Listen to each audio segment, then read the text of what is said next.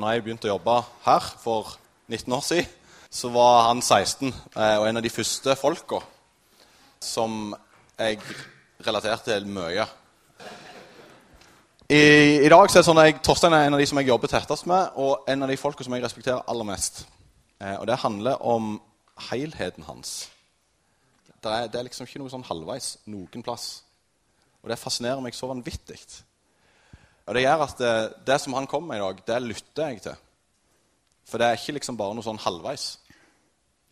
Så jeg har lyst til at vi bare skal vite det. Det er verdt å lytte til det som Torstein skal dele i dag. Godt nyttår. Det er godt å se dere igjen. Jeg har hatt gleden av å ha vært i Australia i tre uker, og det har vært fantastisk godt og varmt. Mens dere har stridd gjennom eh, kulde og minusgrader og vind og regn. Men det er alltid godt å se dere jeg merker jeg tar meg i når jeg er vekke, så skryter jeg mye av menigheten. Og dere er familien. Og det merker jeg. Jeg merker når dere er vekke, og jeg merker det når jeg har dere her. Så er dere familien, og jeg setter enormt pris på dere. Så jeg fikk gleden av å se verdens mest avanserte fyrverkeri over operahuset i Sydney. Og det var helt fantastisk. Det var som om fyrverkeriet fortalte Gud hvor stor han var, selv om de ikke visste det, de som fyrte det opp. Det varte i tolv minutter. Og når jeg så på det fyrverkeriet, så så fikk jeg muligheten til å tenke gjennom det året som har vært, og det året som kommer. Og det var veldig spesielt. Et nytt år betyr alltid nye muligheter og nye startpunkt for de fleste av oss. Det betyr nye forsett.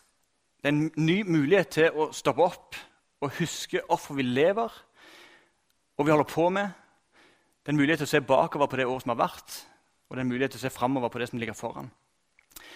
Og det er en mulighet til å sette mål som strekker oss, men som ikke tar knekken på oss. Og vi har mange forskjellige eh, opplevelser og eh, måter å forholde oss til nyttårsforsett. Jeg tipper de fleste av dere har hatt nyttårsforsett fra tid til annen. For mange er det det samme som brutte løfter, umulige mål som tar vekk motivasjon for mange så er det startpunkt som setter ny kurs og retning på livet. Og Nyttårsforsett kan alltid ha en bakside. For det kan øke avstanden fra der vi er, til der vi ønsker og tenker at vi burde være. Noen har gitt opp nyttårsforsett totalt pga. at erfaringen er at vi klarer det ikke uansett. Ingenting blir annerledes. Og andre går på, går på med nytt mot hvert eneste år. Dette året skal alt bli annerledes. Og mange av dere er det som har bestemt dere for at dette året skal det spises litt sunnere. Det er noen. Og mange er det som har bestemt seg for at dette året skal det trenes bedre. Og mange har bestemt seg for at det skal leses mer. Og mange vil ha mindre skjermtid. Mer og bedre tid med ungene være flinkere til å gi ektefellen kompliment. Og mange har et forsett eller et ønske om å søke Gud mer for det året som kommer. De må bare være frimodige på å løfte opp. De må vise det til hele verden, sånn at de kan holde dere ansvarlige. Og mange har satt seg forsett om å gjøre mindre det neste året. Veldig bra. Og mange har forsett om å leve enklere det neste året. Det er bra. Vær mindre travel, vær mer tilgjengelig. Kjede seg mer. Det er et godt forsett. Det anbefaler alle å prøve ut litt mer. For De fleste forsett handler ofte om å gjøre mer på flere forskjellige områder. Og Ofte så trenger forsett like mye å handle om å gjøre mindre for å få tid til det som er det aller, aller viktigste. Det er en som har sagt at det eneste som kommer av seg sjøl, det er forfallet. Alt det andre må du jobbe for. Og jeg har veldig tro på aktive valg. For forsett og mål for meg det er å aktivt velge det som jeg dypest sett lengter etter. Eh, og Noen av de største endringene i mitt liv det har kommet eh, som aktive valg. Eh, som en respons på at Gud har pirka på noe eller pekt på noe i livet mitt. Og Ofte så har det vært aktive valg som jeg har tatt igjen og igjen og feila på igjen og igjen. Men til slutt fått lov til å leve i større frihet og større glede. Nye begynnelser er alltid en mulighet til å endre kurs eller gå støere på det som du allerede ønsker. Og Paulus snakket om det. Han, han forholdt seg til troa som om det er et løp som vi kjemper for å vinne. Ikke uten mål og mening. Og jeg tror alle trenger nye begynnelser. Alle trenger å få begynne på nytt. Og Et nytt år for deg og for oss kan være en ny startstrek. Det som har vært i 2016, kan vi la ligge i 2016. Og ønsker vi å ta med oss inn i et nytt år. Israelsfolket var gode på nye begynnelser. Og hvert sjuende år i Israel så var det meninga at det skulle være et år til å, å ettergi, et ettergivelsesår. Eller et sabbatsår. Jorda fikk hvile etter seks år med arbeid. De som hadde fått gjeld, skulle få ettergitt all gjeld. Ting skulle litt tilbake sånn som det var ment å være. En ny start for de som hadde kommet skeivt ut. Og hvert 50. år så var det noe som heter et jubelår. Ting fikk lov til å komme tilbake til sin opprinnelige stand. Det er et fantastisk konsept. Det skulle være et frigivelsesår, et jubelår i Israel. De som var slaver i israelsfolket, de ble satt fri. De som hadde mista land, fikk tilbake landet sitt. Ting ble satt tilbake til sånn som, sånn som det var ment å være. Til sitt opprinnelige design. Og folk, Spesielt folk som hadde kommet litt skeivt ut, de lengta etter dette jubelåret. De levde i håpet og troa om at når jubelåret kom, så skulle ting bli godt igjen. Det skulle komme en ny frihet. Og det var en ny begynnelse for hele landet. Det var gode nyheter for de som hadde kommet skeivt ut. For de som hadde samla seg mer land, så var det kanskje, eller opplevdes det kanskje som dårlige nyheter. For et jubelord for noen betydde for andre å gi fra seg det som de ikke hadde i utgangspunktet. Ting skulle bli likt.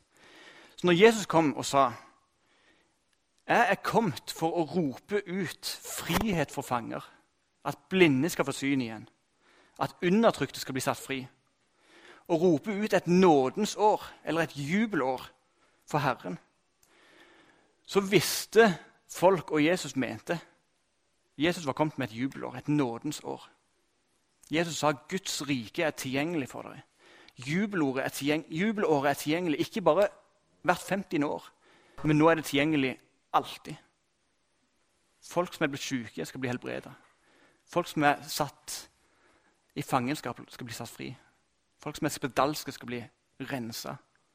Folk som har synda, skal få bli tilgitt syndene sine. Familier skal komme sammen igjen. Ting skal bli satt i rett stand. Det var en ny start for israelsfolket.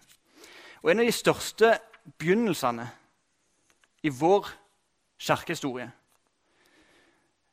det skjedde for 500 år siden, i år. Reformasjonen. Dette er et bilde av Martin Luther. En av de som har hatt mest å si for vår tro, enten du vet eller ikke. En av de som har hatt mest å si for hvorfor vi er sånn som vi er, hvorfor vi tror sånn som vi tror. Og det er en, en begivenhet som vi har enormt mye å være takknemlige for.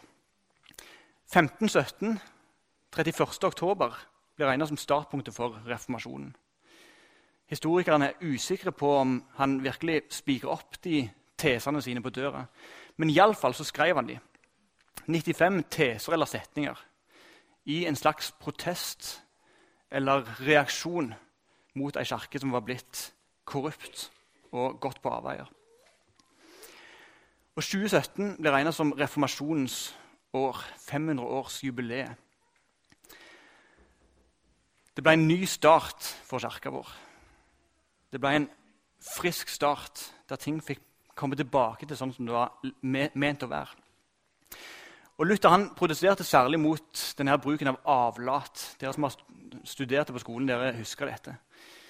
Avlathandelen var blitt stor i eh, kirka. Det gikk an nå å betale seg fri fra synd og fra helvete. Eller å gjøre botshandlinger for å få frelse og tilgivelse for seg sjøl og for sine eh, slektninger og forfedre. Og Kirka var kommet på avveier. Han trengte en restart. Så kirka på den tida så var Bibelen ikke lenger tilgjengelig for folket. Bibelen skulle leses av lederne. Han var på latin, for folket var ikke i stand sånn som kirka så det, til å forstå eller tolke Bibelen rett. Kirka var prega av makt. Det var bygd opp et enormt hierarki i kirka. Der det var noen ledere som var viktigere enn de andre. Og Det var et maktsystem. Og Den enkeltes kristne liv var prega av frykt. Og En kunne aldri egentlig vite om en hadde fred med Gud. Tilgivelse og frelse ble søkt gjennom botsøvelser eller betaling. Og Sjøl gjennom det så kunne du aldri egentlig vært trygg på at en hadde gjort nok, og at en var tilgitt. Og Det førte jo til et enormt strevsomt liv. Kirka ledet an i å holde folket nede. Bibelen kunne ikke forstås av vanlig ulærde, men måtte tolkes av kirka og kirka sine ledere. Frelse kom gjennom gjerninger og botøvelser og avlat. Folk kunne betale seg til tilgivelse, og på den måten kunne kirka finansiere bygging av store kirker og katedraler. Det var gått så langt vekk fra det originale designet som det gikk an å komme. Så reformasjonen, protestantismen, var en protest mot det som kirka var og hadde blitt. Og Luther levde i denne tida og strevde med spørsmålene som mange av oss sikkert også har strevd med. Åssen kan jeg finne en nådig Gud? Fins det en nådig Gud? Fins det en Gud som kan vise kjærlighet og barmhjertighet til vanlige mennesker? Og Luthers åpenbaring kom i Romerbrevet, kapittel 1, vers 17 der han leste at Gud ser ikke lenger fordømmende på den som tror, men gjennom det Jesus gjorde med å gi livet sitt på korset for syndere, så ser Gud med nåde og kjærlighet på den som tror. Gud er blitt glad i meg, en vanlig synder. Barmhjertighet er blitt tilgjengelig. Synderen er blitt erklært rettferdig. Og For oss så høres jo det ut som den mest naturlige sannhet i verden. For så var det en revolusjonerende sannhet. Det var et gjennombrudd. Det var noe helt nytt som de aldri hadde hørt om før. Og mye av hvem vi er, er takka være at Martin Luther og noen andre gikk foran og gikk imot og protesterte mot det som var blitt ødelagt. Tenk å leve i ei tid der det som er det grunnleggende i troa vår, ikke var en selvfølge og noe du måtte streve for og fortjene retten på. Så hva er det reformasjonen har gitt oss? Jeg har bare lyst til å se litt på hvorfor vi er hvem vi er, og hvordan det som skjedde da, har prega oss i 2017 i dag. Og Det første og kanskje viktigste setningen fra reformasjonen er Skrifta alene. Bibelen alene. Og er det noen, noe reformasjonen har gitt oss, kanskje mer enn noen ting annet, så er det en kjærlighet til Guds ord, til Bibelen. Luther han oversatte Bibelen til tysk, sånn at folket, det vanlige folket kunne få tilgang og forstå. Bibelen skulle ikke bare være i, i de øverste lederne sine hender, men for de vanlige. Og I ei tid der tradisjonen ble løfta opp som vel så stor og viktig som Bibelen, så ble nå Bibelen sitt ord løfta opp til sin rette plass. Til å være den største og viktigste autoriteten for kirka og for oss som tror. Og Bibelen det er den viktigste autoriteten i livet som en etterfølger. Vi trenger Guds ånd til å tolke Bibelen rett. Men Gud taler til oss gjennom ordet sitt. Han kan også tale utenom ordet sitt, men han taler aldri imot sitt eget ord. Å ha Bibelen som vår øverste autoritet, det ga folk problem på den tida, og det gir oss problem i dag.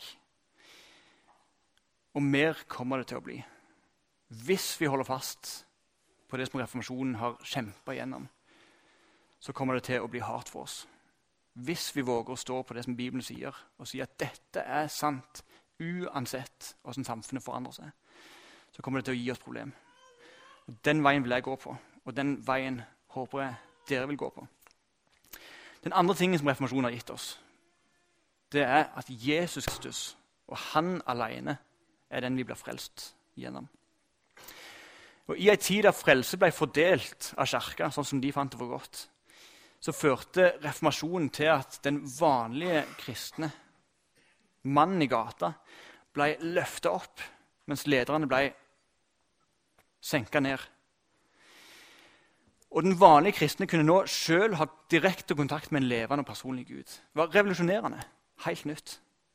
Du trengte ikke gjennom, lenger gå gjennom et system eller gjennom en prest eller en leder for å komme til Gud. Nå var Gud tilgjengelig for alle som ville ha han. Og kun gjennom Jesus Kristus alene. Og Luther han opphevde skillet mellom presteskapet og legfolket når han sa at alle kristne er prester for Gud. Det var Helt revolusjonerende. Og det er noe som vi fortsatt kjemper om å holde fast på i dag. For i vår vestlige kristendom så er det alltid fristende å løfte fram prestene som de som er nærmere Gud. Mens Luther og Bibelen sier at den vanlige kristne kan ha kontakt med Gud. Den vanlige kristen er en prest for Gud. Og det ga konsekvenser for Kirka og for Luther. Hvis alle kristne er prester, så har alle kristne rett til å forsyne Guds ord. Så har alle kristne rett til å tolke Bibelen. Så har alle kristne rett til å døpe, til å feire nattverd og til å bedømme hva som er rett lære. For vi har fått autoritet som prester, og det er ganske heftig. Du er en prest. Tror du på det? Du er en prest for Gud, og du er en prest for den verden vi er sendt til. Og sånn som jeg tenker om en prest, Den første oppgaven til en prest er å lede folk til Gud. Ikke være noe som står imellom folk og Gud, men å lede folk til direkte kontakt med Gud. Og Det er et mandat som alle oss her inne har fått, som kristne og som prester. Vi skal få lede folk rett til Jesus. Det er et allment presteskap. Det er ikke lenger for noen få. Det er ikke en prest og resten tilskuere. Det er ikke én disippel og resten vanlige kristne. Og Luther han snakket rett inn i det. Og Han snakket om to etasjes kristendom. Der det var noen kristne som var vanlige kristne. Det var noen ting i Guds ord som var allment til alle. Og så var det noen ting som var for de som var litt mer interesserte eller litt mer åndelige. Eller de som ville bo i kloster. Bergpreken. De som ville vende andre kinnet seg. De som var spesielt interesserte. Det var for de.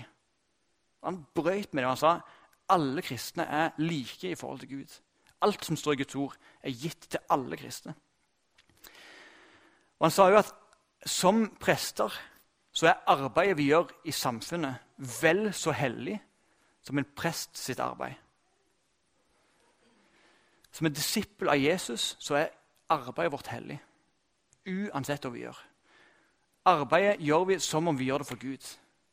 Enten vi tømrer, eller vi lærer, eller vi pakker, eller vi kjører. Så gjør vi det for Gud. Og det tredje nåden alene og troa alene.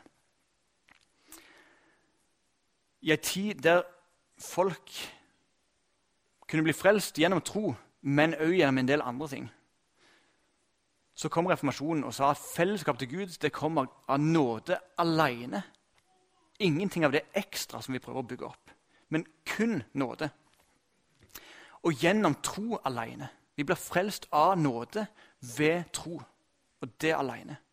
Ingen av våre forsøk eller gjerninger, eller lovgjerninger, som Bibelen kaller det, kan legge til eller fortjene vår frelse, men kun gjennom tro. Uansett hva vi har gjort, så er Jesus sin død på korset nok for oss. Og Vi, vi har jo hørt det så mange ganger at vi er Vi tar det så for gitt. Men for de så var det nytt og revolusjonerende. Og Vi trenger nesten å høre det med nye øyne for å forstå det på nytt. Vi er frelst av nåde alene, ved tro alene. Det er ikke botøvelser vi trenger å gjøre. Det er ikke noe sakrament som fører oss dertil. Det er gjennom ei levende tro, og bare det. Og Mens den katolske kirka ga det gjennom en kombo av tro og gjerninger, så sa Luther at nei, gjennom tro alene. Og Han leste i Romane kapittel 4 og vers 4-8. Den som har gjerninger å vise til, får lønn etter fortjeneste, ikke av nåde. Men den som ikke har det, men som tror på Han som rettferdiggjør den, den ugudelige, blir regna som rettferdig fordi at han tror. Sånn priser jo David et menneske salig når Gud regner det som rettferdig uten at det er gjerninger. Salige er de som har fått sine lovbrudd tilgitt og sine synder skjult. Salig er det mennesket som Herren ikke tilregner synd. Og Vi kan bare tenke oss hvordan det hørtes for en person som aldri har opplevd det budskapet før. Det var frihet, og det var glede. Det er ingen gjerninger vi kan gjøre for å fortjene Guds frelse. Og det, Dette er det totalt motsatte av en av vår tids største fiender, som heter kardemomme. Så lenge du er grei og snill, så kan du gjøre som du vil. Og det gjennomsyrer oss, enten vi tror det eller ikke. Det gjennomsyrer oss som har trodd på Jesus og fulgt han i mange år, og det gjennomsyrer samfunnet vårt. Så lenge vi er ganske gode, så kan vi gjøre som vi vil. Sniker seg inn i vår vestlige kristenhet. Han vil snike seg inn i våre liv. Og vi må være forsiktige og våkne. Vi vet i teorien at vi er frelst av nåde, men egentlig så er det lett å hvile mer på at vi lever relativt gode liv. Vi er hakket bedre enn naboene våre, og vi holder oss vekke fra de største og verste syndene. Det er en utfordrende balanse å snakke om frelse gjennom tro alene og snakke samtidig om at vi er disipler og etterfølgere av Jesus. Og at Jesus han krever at vi som kristne legger ned livene våre som en respons til det han har gjort. Som et levende offer. Og Plutselig så kan det høres ut som krav igjen. Er det ikke lenger bare tro vi blir frelst med? Skal vi gjøre noe? Og den spenninga må vi leve i. Vi er frelst gjennom tro alene. Men Jesus krever at vi legger ned livene våre som en respons på ham. Alt vårt. Jesus er herre foran alt.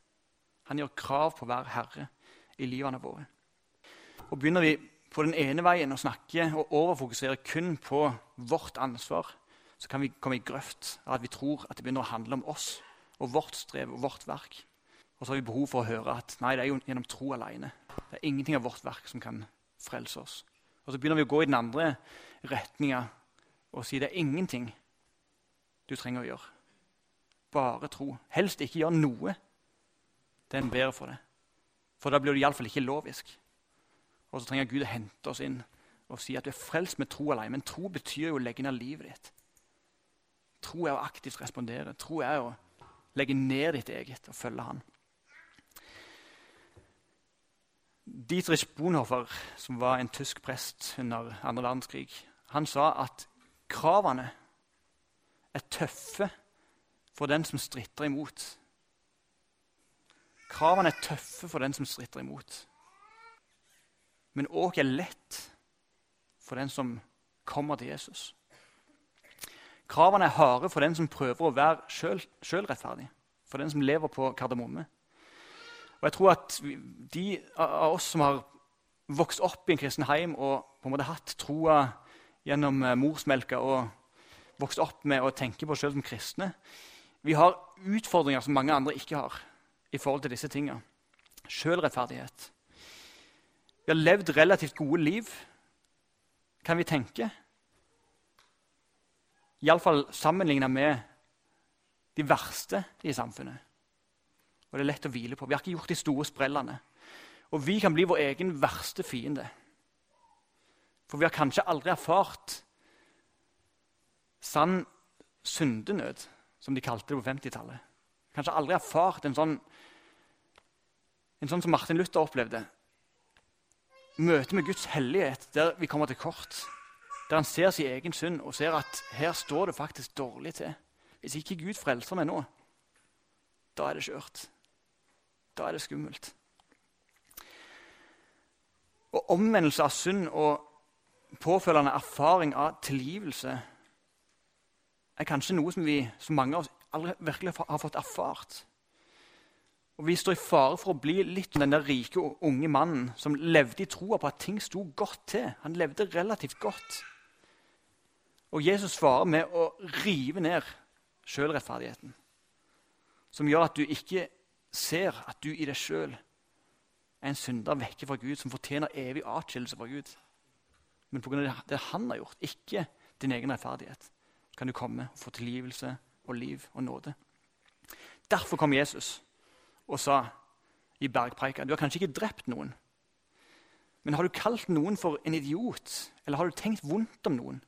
Har du ønska noen vondt i hjertet ditt? Da står det ikke bedre til med deg enn med morderen. For hjertet er det samme. Og Følger du hjertet ditt lenge nok, så vil du ende opp i det samme. Eller han sa du har kanskje ikke hatt sex utenfor ekteskapet, men har du sett på ei dame, dame og begjært henne, kledd av henne med blikket, og ønska sex med henne i hjertet ditt, så står det ikke bedre til med deg enn med den som har utført det. For hjertet er det samme. Og Sjølrettferdighet det gjør at du er stor i egne øyne, men Jesus får aldri blitt, blitt stor i det. Kardemomme det er en av våre store utfordringer i Norge.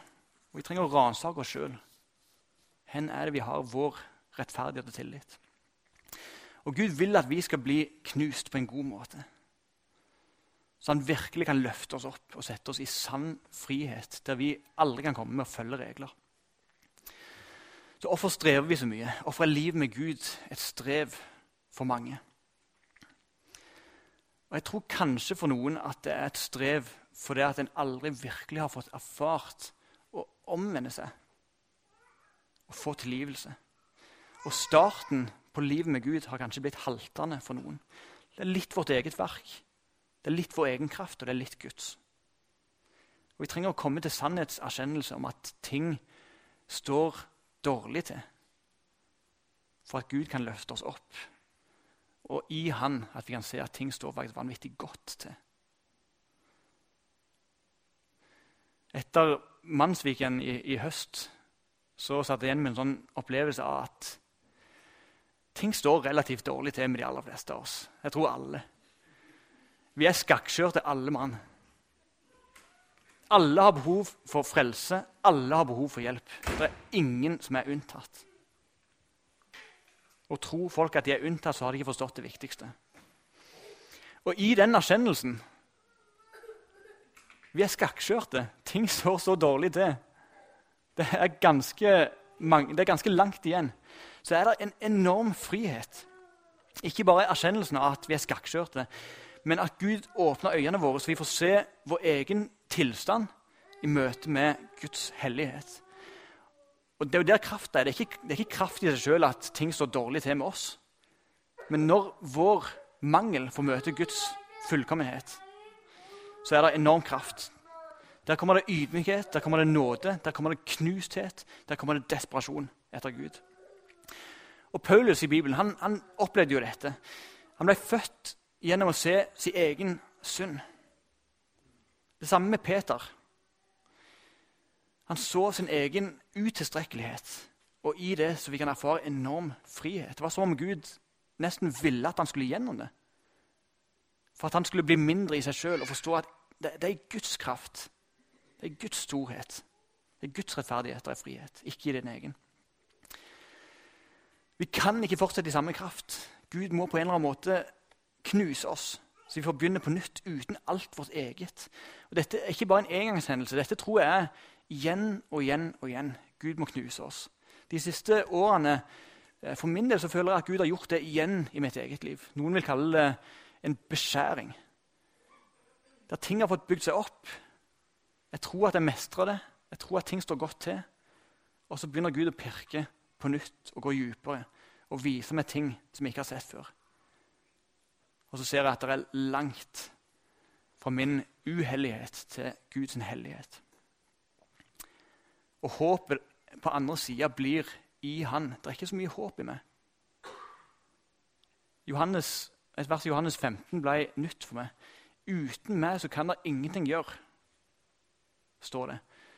Og det hadde jeg vanskelig med å forstå fram til de siste tre åra. For jeg tenkte jo, vi kan jo gjøre enormt mye. Jeg kan jo ta enormt mange aktive valg og gjøre mye godt. Jeg kan jo velge det meste. Og så kommer Gud og knuser meg så mye der jeg opplever at plutselig blir den setningen sann. Det er utrolig lite jeg kan gjøre i egen kraft. Klarte ikke be, klarte ikke lese Bibelen, klarte ikke fortelle folk om Jesus. Det som jeg trodde jeg mestra, mestrer jeg ikke lenger. På andre sida, hvis Gud får dra oss gjennom, så er det faktisk større glede og større frihet. Ikke mindre. Men det er en større ydmykhet. For en blir ikke så stor i egne øyne lenger. Ransak oss, Gud. Prøv oss. Overbevis oss om synd i vårt liv. Og Vi kan ikke bekjenne synd som ikke Den hellige ånd har åpenbart. Så ofte så begynner det med at vi må be Den hellige ånd om å åpenbare det for oss. Hellige ånd, åpenbar synd i livene våre, så vi får se det. Vær ikke tro på å bekjenne tusen ganger at vi er forferdelige syndere. Men som Jarle sa før jul, bekjenn heller det du har gjort. Si det du har gjort, og si tid du gjorde det. Og da er det frihet. Og Det begynner med at Den hellige ånd må overbevise oss om synd. Og Når vi får se det, så blir nåden og tilgivelsen og korset nytt for oss. Da forstår vi hvorfor han måtte dø. Han måtte gjøre det for å frelse oss, for at rettferdighet skulle skje. Romane 5, 6 sier at mens vi enda var svake, så døde han for oss. Når du enda var svak, så døde han for det. Når du følte at du minst fortjente det. Og tid er du klar for å bli tilgitt. Og tid er du mest klar for å bli tilgitt. Når du er svak, eller når du er sterk. Og For meg så er det alltid når jeg er sterk. Hvis jeg har gjort noe som jeg vet sårer Gud, så gir jeg meg sjøl litt karantenetid. For jeg har lyst Jeg tenker at det må gå noen dager. Jeg kan ikke komme rett til Gud og be om tilgivelse. For det er akkurat som min altså Synda mi er så på en måte oppe i dagen. Jeg må vente til, det har lagt seg. Jeg må gjøre litt for å komme på en bedre plass før jeg kan komme til Gud. Og så har vi ikke forstått det mest grunnleggende. Gud døde for oss når vi var svake og syndere. Og i vår svakhet og i det skitneste, da er nåden sterkest. Det er akkurat da vi må rømme til Gud. Det må ikke gå litt tid før vi kan ta imot. Når vår skittenhet får møte Guds hellighet på det mest skitne og ransakende, da er Guds nåde sterkest. Da forstår vi at det er størrelsesforhold mellom oss og Gud. Når det er flauest å komme til Han. Så Gud vil knekke alt som lukter av kardemommelov i livene våre. Og Ofte så begynner det med at vi får se vår egen tilstand i forhold til en hellig Gud.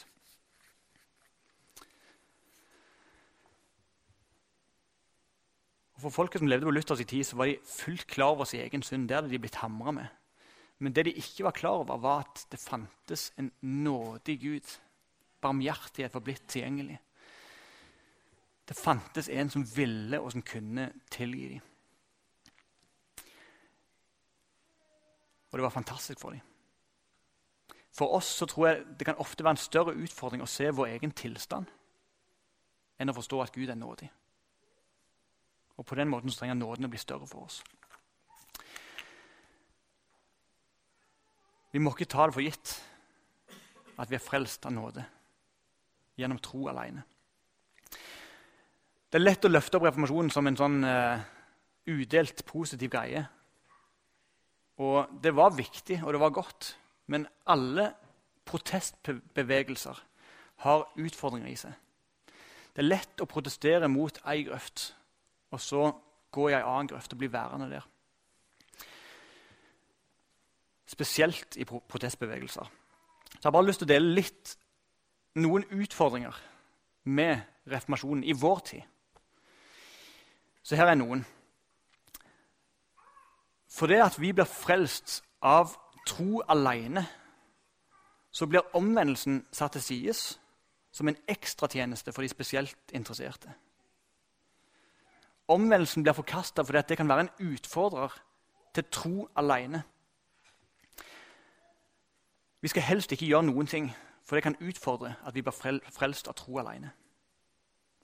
Vi kan begynne å opphøye oss sjøl og tro at vi er noe, hvis vi gjør noe.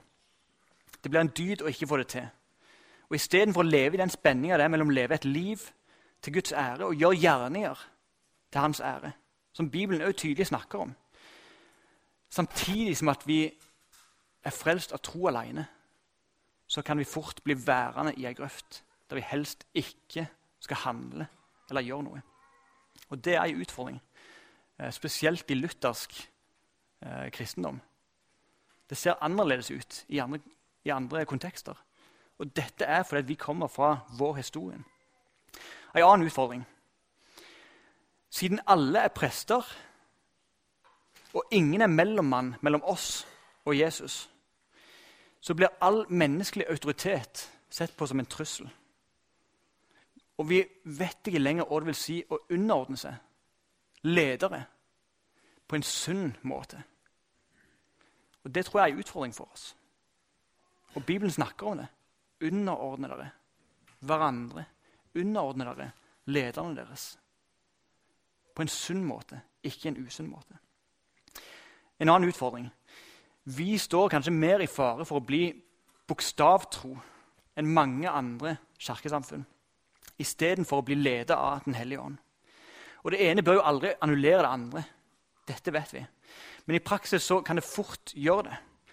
Alt som ikke står svart på hvitt, kan oppleves som en trussel. Og kirkene våre blir fulle av lærere og teoretikere. Og det blir ofte mangel på profeter og folk som går og handler. Vi kaster Bibelen sitt fullkomne ord på en verden som ikke engang tror. Og vi står i fare for å glemme folka som Bibelens ord blir kasta på. Det er en kjempeutfordring for oss. Ja, Guds ord er levende og virkekraftig. Det vender ikke tomt tilbake. Men pakken vi kaster det i, kan fort gjøre at det vender både tomhendt og verre tilbake. Det betyr mye. En annen utfordring. Guds kjærlighet kan utfordre eller kan trumfe Guds hellighet. Guds frykt blir noe vi prøver å unngå, i stedet for at det blir noe vi trakter etter. Og En siste utfordring. Det er en stor fare for at vi ser på oss sjøl som ynkelige syndere istedenfor å se på oss sjøl som oppreiste, tilgitte og rettferdige i Jesus. Så hen trenger vi som menighet å bli reformert på nytt. Og trenger vi å oppdage, eller gjenoppdage. Hen trenger vi å hente oss inn. Hen er det vi har gått skeivt? Det er, som det er et spennende spørsmål. Hen er det kollektivt? Vi har noe å lære. Og Jeg har tre forslag på vegne av oss. Det første Kanskje dette året for oss skal være et Bibelens år. Der vi på nytt løfter opp Guds ord i et samfunn av kaos uten, uten rammer. Kanskje på nytt så skal huskirkene våre og fellesskapene våre være opptatt først og fremst av det som Bibelen sier, og hvordan en kan leve det som står, ikke bare lese det. Kanskje 2017 skal være et år der vi løfter opp Bibelen på nytt. Kanskje kan det være et år der du leser Bibelen fra perm til perm. Det kan du klare. Kanskje kan det være et år der du fullfører Bibelen for første gang i livet ditt. Hele Bibelen. Det gir meg motivasjon å tenke på. Andre forslaget. En av setningene for reformasjonen er 'til Guds ære alene'. Kanskje 2017 for oss som menighet skal være et år der alt vi gjør, blir målt ut fra 'gir dette ære til Gud'? For kirka eksisterer ikke først og fremst for kristne, ikke først og fremst for ikke-kristne, ikke først og fremst for interesserte. Kirka er til først og fremst for å gjøre til Gud. Gjør det vi gjør, gir det Gud ære. Løfter det Han opp? Kan det være filteret som vi tar bestemmelser ut fra? Og Det tredje forslaget. Kanskje dette året skal være en tid der vi omfavner på nytt et allment presteskap. At alle kristne er prester i Guds øyne. Prester for hverandre, prester for en verden som ikke kjenner ham. Kanskje dette året er et år som, der du skal reise deg opp i den autoriteten som Gud har gitt deg. Reise deg opp til å være en storebror eller en storesøster, en åndelig far eller en åndelig mor for noen som trenger det. Gå fra å være i periferien til å være midt i. Gå fra å komme for å få til å komme for å gi. Og bruke gavene dine til beste for fellesskapet. Det trenger vi. Vi trenger storebrødre, storesøstre, vi trenger fedre og mødre mer enn noen ting annet i denne tida. Og alle trenger vi å bli reformert fra tid til annen. Kanskje starten på 2017 kan være en ny start for deg. Kanskje reformasjonsåret kan bli en reformasjon i deg og i oss som menighet. Så helt til slutt Hvor trenger du å bli reformert? Hvor trenger Gud å tale til deg eller gjøre noe i deg i dette året? Trenger du å gjenoppdage nåden og korset og frelse ved tro alene? Trenger du å på nytt eller for første gang se din egen tilstand i møte med en hellig og fullkommen Gud? Trenger du en fornya kjærlighet til Bibelen og tro på at Bibelen er til å stole på? Trenger du å tilgi og bli tilgitt? Trenger du ei fornya tro på menigheten og fellesskapet de troende? Trenger du å tilgi menigheten for noe som den har påført deg? Trenger du å gi deg sjøl til fellesskapet på nytt? Trenger du å plante deg sjøl i et lite fellesskap og leve ut den kirka som det står om i apostlenes gjerninger?